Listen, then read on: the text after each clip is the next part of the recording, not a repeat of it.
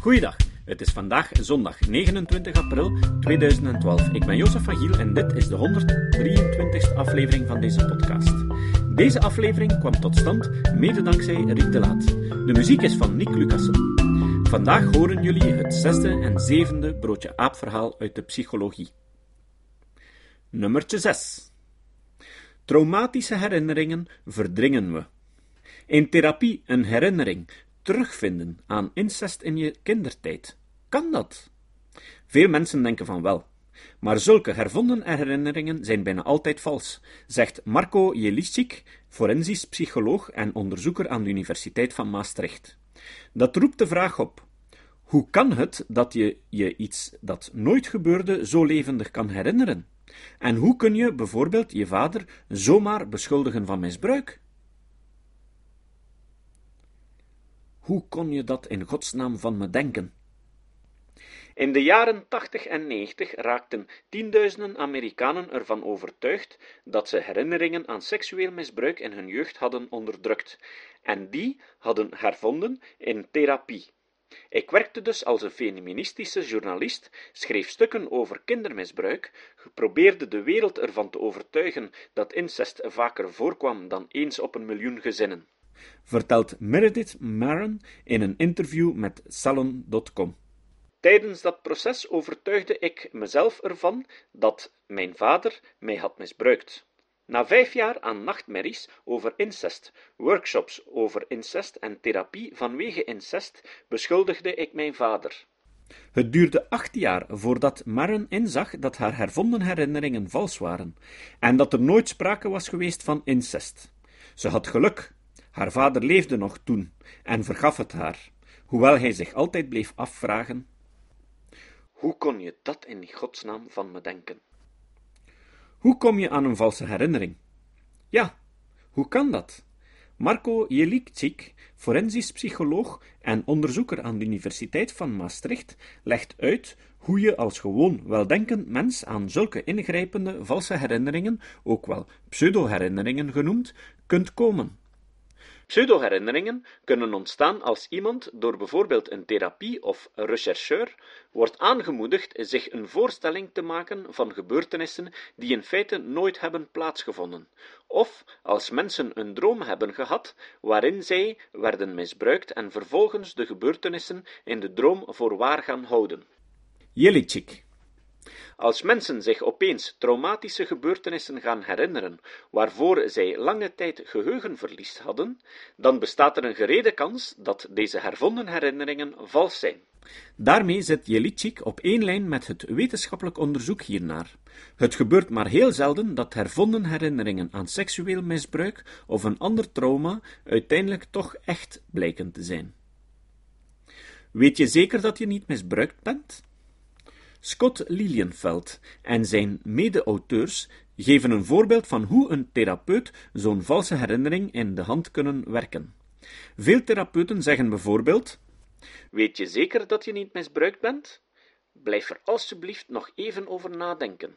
Dat doen ze, omdat bijna de helft tot driekwart van de psychotherapeuten gelooft dat traumatische gebeurtenissen zich inderdaad ergens in ons geheugen kunnen verstoppen en daar problemen kunnen veroorzaken depressie en angst, die alleen kunnen aangepakt worden als de bron wordt gevonden.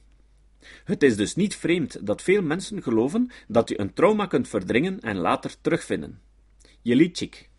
Ik kom dit broodje aapverhaal heel vaak tegen. Volgens mij is de term verdringing onderdeel geworden van het dagelijkse taalgebruik. Een half jaar in voorarrest. Het geloof in deze psychomythe is zeker niet onschuldig.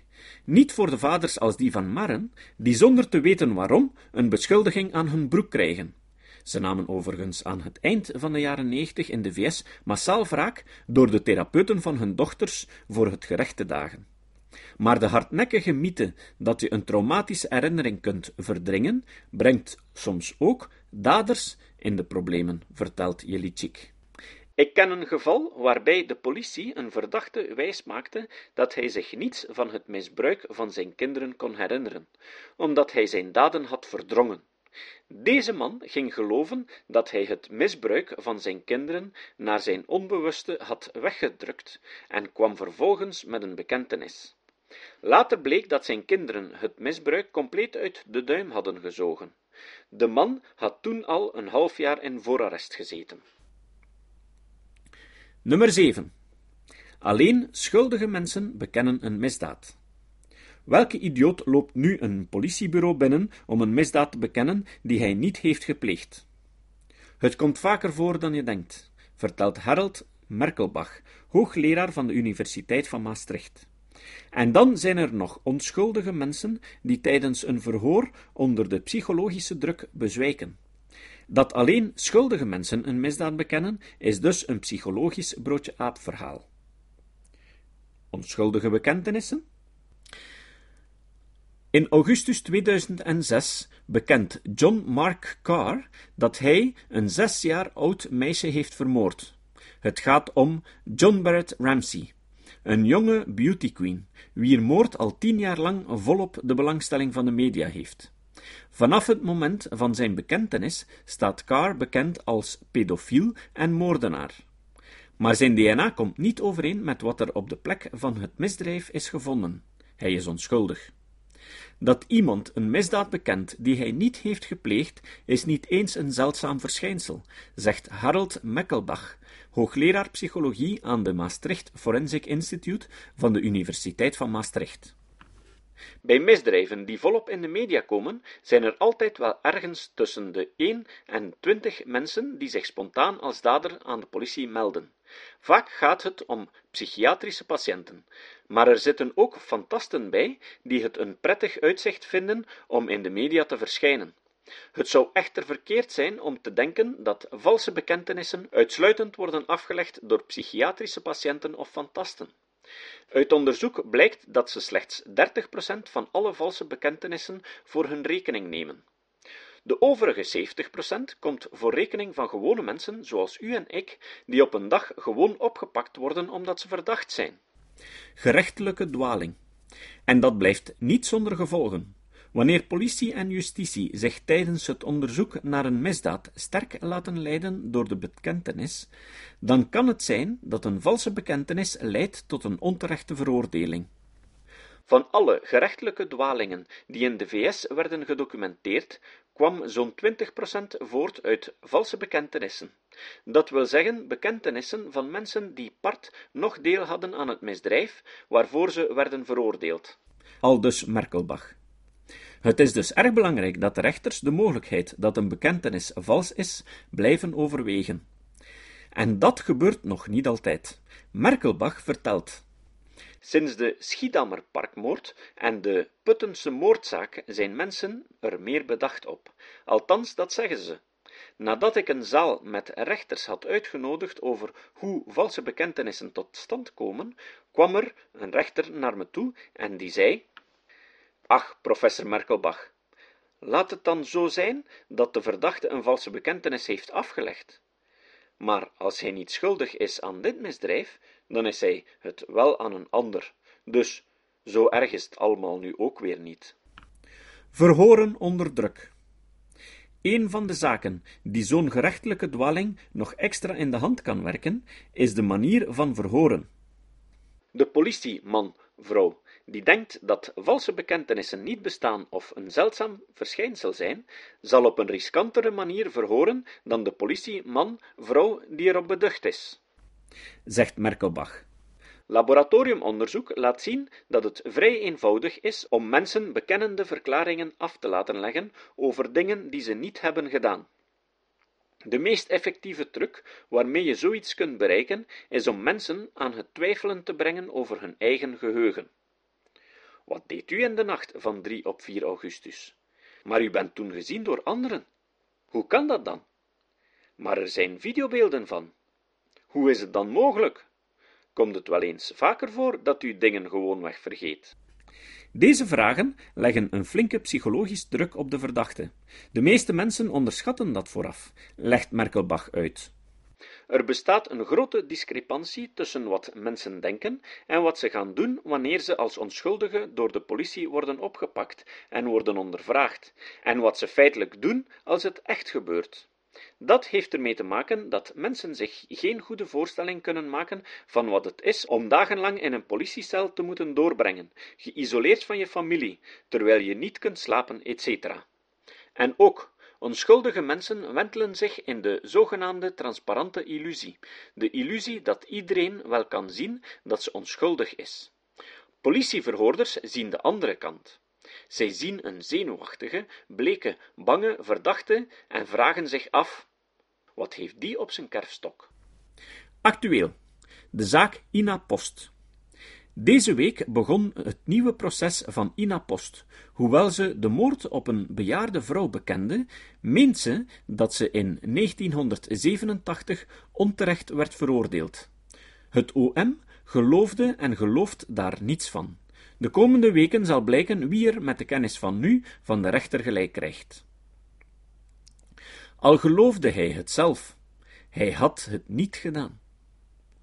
Zo'n kerfstok-idee kan, samen met stevige verhoortrucs, de verdachte zelfs zo ver krijgen dat hij zelf gaat geloven dat hij de misdaad heeft gepleegd.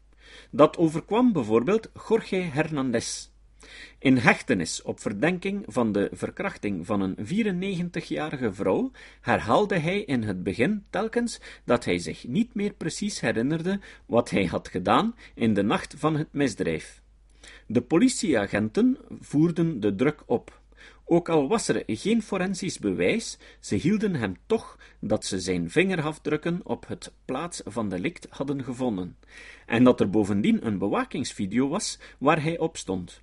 Uiteindelijk ging Hernandez zodanig aan zijn eigen geheugen twijfelen, dat hij tegenover de politie verklaarde dat hij dronken was geweest en zich daarom de verkrachting niet meer herinnerde, maar dat hij het vast had gedaan. Gelukkig voor Hernandez pleitte DNA-bewijs hem reeds drie weken later vrij. De schrijvers van de 50 grootste misvattingen van de psychologie, denken dat de media een belangrijke rol kunnen spelen in het verkleinen van de kans op een gerechtelijke dwaling door een valse bekentenis. Door aandacht te blijven besteden aan de zaken waar een onschuldige is veroordeeld, raken politie en justitie zich bewust van het gemak waarmee mensen vals bekennen, hopen zij. Ze pleiten er ook voor om alle verhoren op video op te nemen, zodat bijvoorbeeld een commissie later kan vaststellen of de psychologische druk tijdens een verhoor niet al te hoog is opgelopen. In de tussentijd is het voor ons allemaal belangrijk om te onthouden dat iemand die een misdaad heeft bekend, hem lang niet altijd heeft gepleegd. Het citaat. Het citaat van vandaag komt van Kurt Vonnegut. Kurt Vonnegut is een bekende Amerikaanse dichter. Vonnegut zei: Zij die geloven in telekinese, steek mijn hand op. Tot de volgende keer. Dit was de podcast Kritisch Denken. Vergeet niet om alles kritisch te behandelen, ook deze podcast. Voor verdere informatie over deze podcast, links en voor de tekst, surf naar www.kritischdenken.info. Als je deze podcast belangrijk vindt, kun je me steunen door anderen warm te maken ook eens te luisteren. Stuur een e-mail naar vrienden met een link naar de website en plaats de link in de handtekening van je e-mails. Tevens kun je op iTunes deze podcast een beoordeling geven of een recensie schrijven. Of je kan op je eigen website of blog een link naar kritisch denken plaatsen.